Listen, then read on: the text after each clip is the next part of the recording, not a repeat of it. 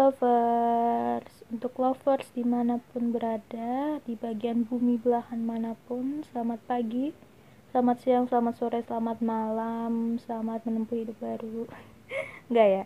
Uh, kali ini Tell With Us bakal ditemenin sama gue Kinanti. Kalau lo nggak asing sama suara gue, sebelumnya sebelum gue ngisi Tell With Us ini, gue udah pernah ngisi podcast juga di sini dan juga ada senandi kata juga gue pernah ngisi. Jadi ya ini biasa dibilang perdana nggak perdana nggak perdana soalnya gue pernah ngisi podcast. Perdana soalnya gue ngisi Tell With Us dan juga nge-podcast sendiri. Soalnya podcast kemarin gue ditemenin sama Safira. Gitu. Untuk konten kali ini gue bakalan ngebawain tentang sesuatu yang related banget about uh, relationship between siblings.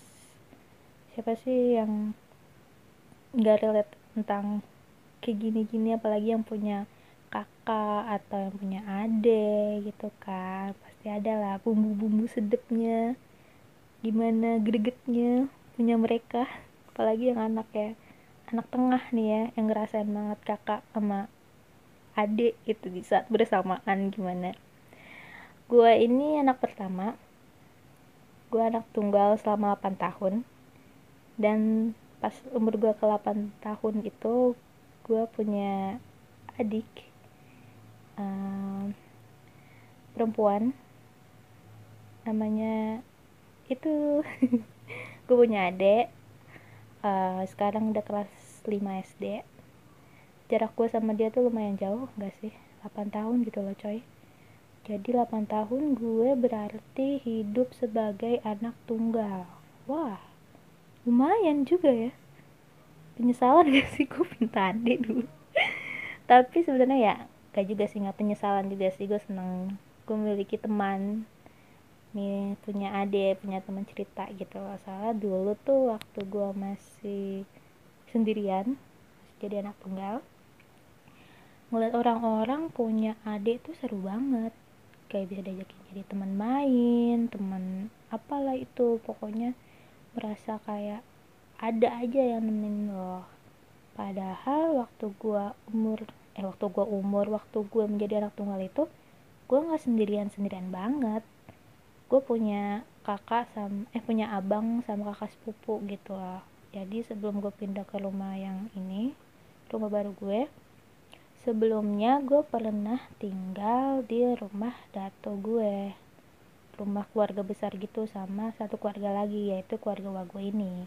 Dan selama itu juga gue mainnya sama mereka.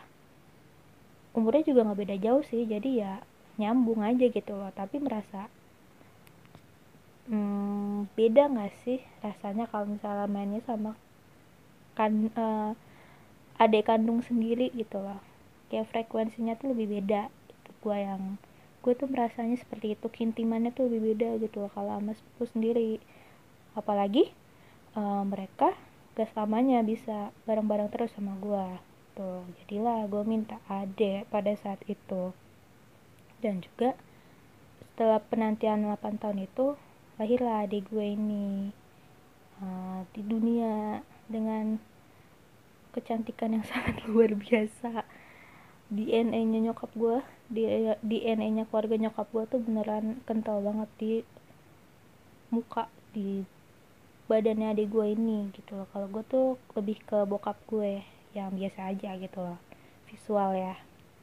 Jadilah ini orang-orang tuh selalu mandang gue seperti gue dan adik gue ini berbeda perbedaan gue dan adik gue ini sangat ada gitu loh. Apalagi waktu misalnya kalau gue sama adik gue tuh lagi main atau lagi jalan bareng orang-orang yang di sekeliling gue tuh pasti memuji bakal memuji adik gue dan gue tuh nggak masalah. Kalau adik gue yang dipuji ya udah. Kenapa gitu loh? Tapi mujinya itu masalahnya pakai kalimat beda ya sama kakaknya itu maksud gue kenapa sih orang-orang harus kayak begitu? Kalau muji ya muji aja gitu. Bilang cantik ya cantik aja. Nggak usah pakai bilang beda atau bilang kok nggak sama? gitu lah. Kan membandingkan gak sih? Apalagi lo nggak tahu yang lo ajak lo bicara lo ini merasa uh, gimana gitu lah. Dan anehnya lagi mereka ngomong seperti itu hal itu seperti hal biasa dan hal yang layak untuk dibicarakan di depan anak SD gua waktu pada eh, waktu saat itu masih di usia SD di usia sekolah dasar dan harus menerima lingkungan yang toksik seperti itu.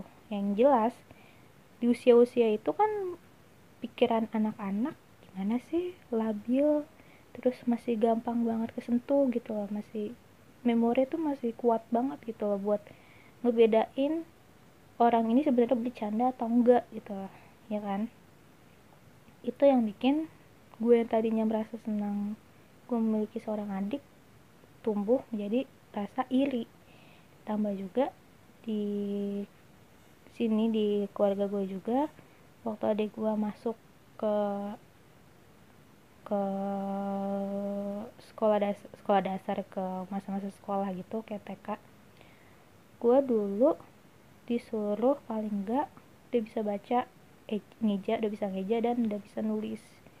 Sedangkan adik gue tuh dulu nggak terlalu dipaksa seperti itu kayak biasa aja. Bokap nyokap gue tuh tidak mempush hal yang sama seperti yang mereka lakukan ke gue kayak ya udah adik gue bisanya kayak gitu ya udah nggak nggak dipaksa. Dan itu yang membuat gue merasa wow sangat beda ya. Sangat gimana ya sangat tidak seperti yang gue pikirkan gitu. Gue kira adik gue bakal di uh, perlakukan yang sama seperti gue pada saat itu tapi ternyata enggak.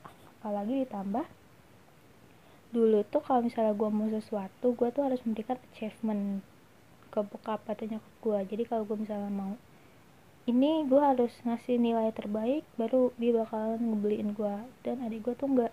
Kalau misalnya emang ada rezekinya ya udah itu bakalan dikasih buat dia paling baru tuh yang bikin gue tambah aneh tuh waktu sepeda jadi ceritanya adik gue tuh kepengen banget sepeda kayak udah pengen banget sepeda tuh. Lagi teman-temannya tuh pada punya sepeda gitu terus langsung dibeliin. Tanpa harus susah-susah payah belajar buat dapat achievement. Udah gitu. Sedangkan gue tuh harus benar-benar uh, ngasih sesuatu gitu loh ngasih nilai gitu loh gue kayak memberikan nilai gue baru mendapatkan sesuatu. Waktu itu gue pengen sepeda dan gak kesampaian karena kurang. Nilai yang bokap gue minta itu kurang walaupun cuma beda dua angka doang tapi enggak. Gak bisa tetap gitu loh. Jadi ya selama itu juga gue nggak pernah punya sepeda dan pada akhirnya adik gue mendapatkan hal itu dengan sangat mudahnya membuat gue merasa wow agak beda ya. Gue ngomong gitu boleh tapi perasaan. Gitu. Uh, gue gue akuin sih gue kayak lebih ke sih. Ya karena gimana? Kenapa harus diperlakukan seperti itu? Beda gitu. Kalau misalnya mereka melakukan hal yang sama mungkin gue ya bakalan biasa aja.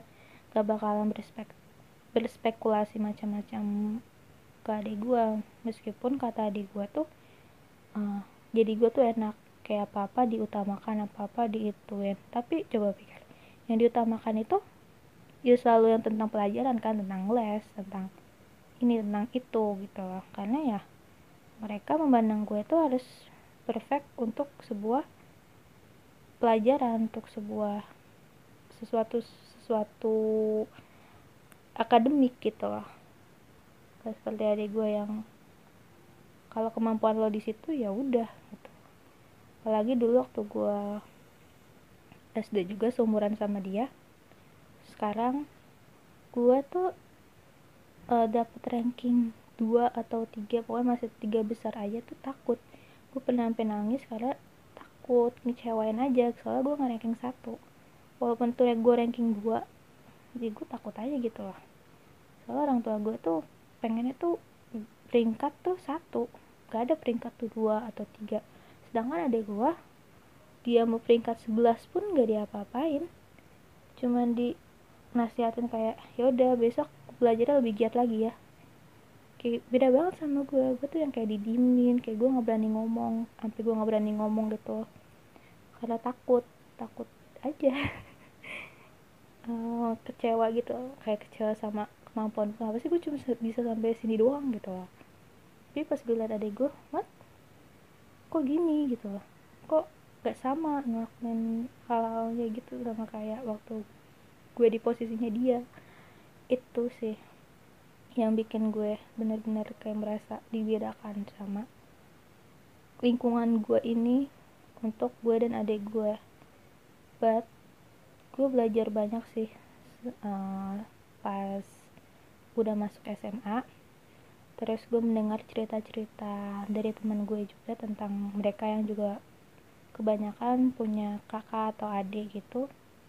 Dan tentang perilaku orang tua mereka di rumah ya gue merasa kayak oh ternyata gue nggak sendirian gitu loh. Ternyata masih banyak orang-orang yang sama kayak gue ternyata jadi uh, gue atau menjadi mereka itu harus kalau menyadar gitu kalau sadar merasa tidak adil perlakuannya ya berarti lo harus um, menunjukin nih kalau mereka maunya itu ya berarti lo lo kita lo dan semuanya itu teman-teman gue itu merasa jadi kita harus nunjukin hal sesuatu itu yang membuat mereka tuh ngeliat ngelirik kita gitu nggak merasa uh, dibedakan sama uh, lingkungan gitu. Jadi ya jadi gue mulai uh, meninggalkan bukan meninggalkan juga sih kayak mulai uh, sedikit-sedikit menghilangkan sifat egois dan iri gue untuk adik gue dan juga uh, ada faktornya ya faktornya tuh waktu itu adik gue kayak curhat sama temennya tentang kakak. Dan dia bilang dia tuh sebenarnya sayang sama kakaknya. Tapi uh, kalau misalnya gue lagi dalam posisi yang mood gue jelek gitu loh ada yang ada yang memicu mood gue menjadi jelek itu dia bakalan kesel gitu. Tapi padahal dia tuh katanya sayang sama gue gitu. Yang membuat gue menjadi orang yang berubah. Bukan berubah sih kayak kata-kata adik gue tuh kayak membuat gue berubah dan berpikir oh ternyata uh, biar biar biar sebrengsek apa pun sifat gue ke adik gue ini itu masih sayang sama gue. Dia tuh masih ngertiin gue gimana rasanya jadi gue gimana rasanya jadi anak tunggal selama 8 tahun gimana rasanya uh, menjadi uh, harapan paling besar untuk orang kedua orang tua gue gitu. Apalagi tambah gue sama dia akhirnya satu kamar. Jadi selama kita satu kamar ini lebih kebuka aja sih lebih saling kebuka. Apalagi sekarang punya hobi yang sama kayak ngefan girling bareng gitu lah jadi lebih Eh, nggak uh, sejauh dulu sih. Dulu kan gue kayak mencoba menjauhi adik gue soalnya merasa gue itu beda sama adik gue jadi gue jaga jarak. Tapi sekarang enggak kayak ya hubungan kakak dan adik aja gitu walaupun love language gue agak aneh yang nggak pernah bilang aku sayang kamu atau gue gak pernah benar-benar menunjukkan gitu loh gue lebih kayak misalnya adik gue lagi ada masalah sama orang tua gue ya gue bakalan bantu sebisa gue atau kalau misalnya dia ada kesulitan ya gue bakalan bantu atau ngasih tahu atau bakalan uh, bilang gitu loh buat nyari jalan keluarnya sama-sama kayak gitu. Kalau ngomongin Adi tuh sebenarnya gak ada habisnya sih soalnya gimana ya uh, hubungan antara saudara kandung atau antara keluarga. Pokoknya tuh yang berkaitan tentang hubungan-hubungan itu kalau diceritain gak bakalan ada ujungnya. Mau itu tentang yang jelek-jelek ya yang bagus-bagusnya ya gak sih?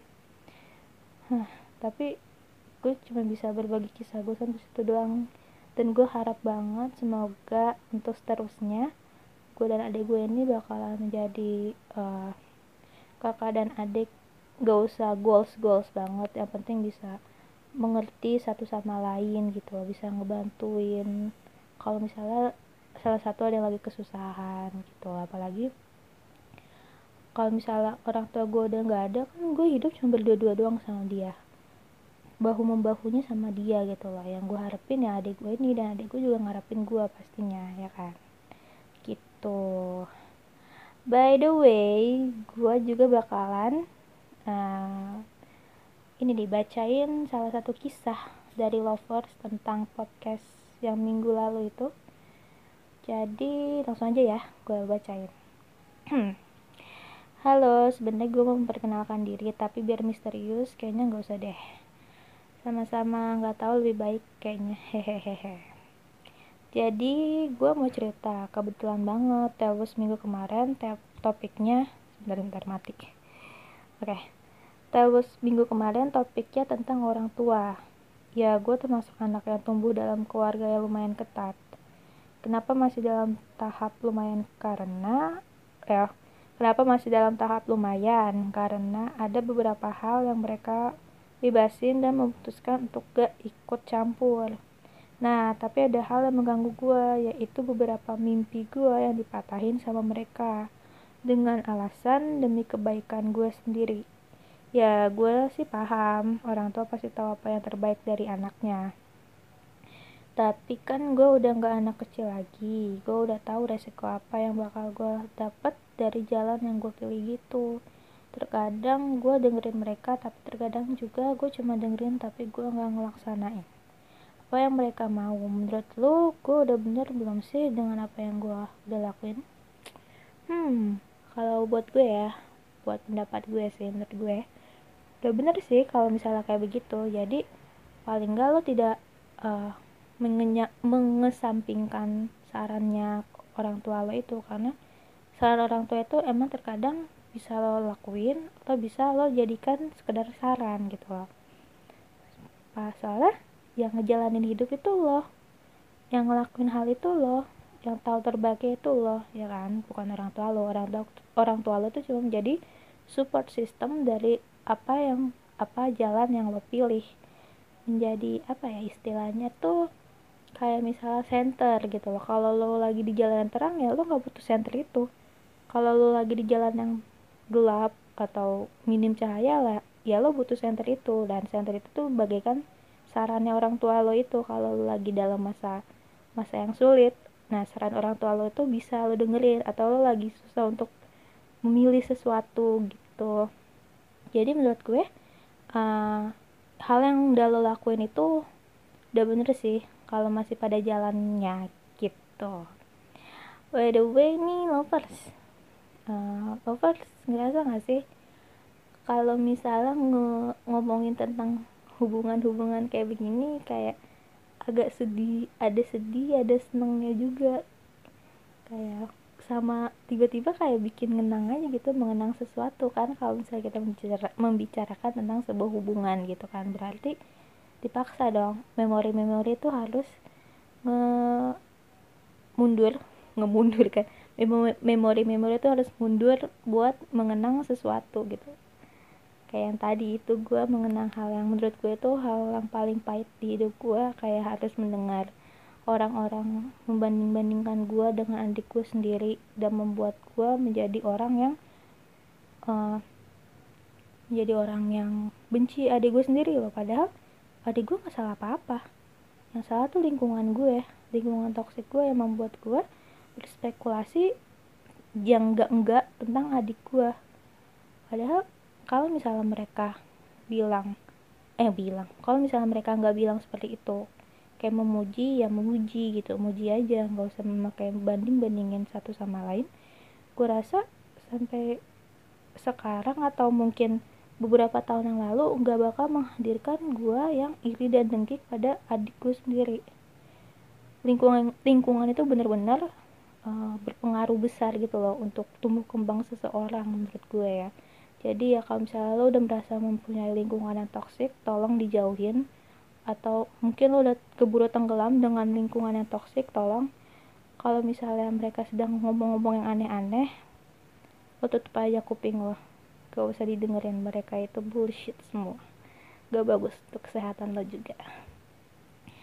Lovers gimana nih? Telus kali ini seru banget gak sih? Tapi sayang banget.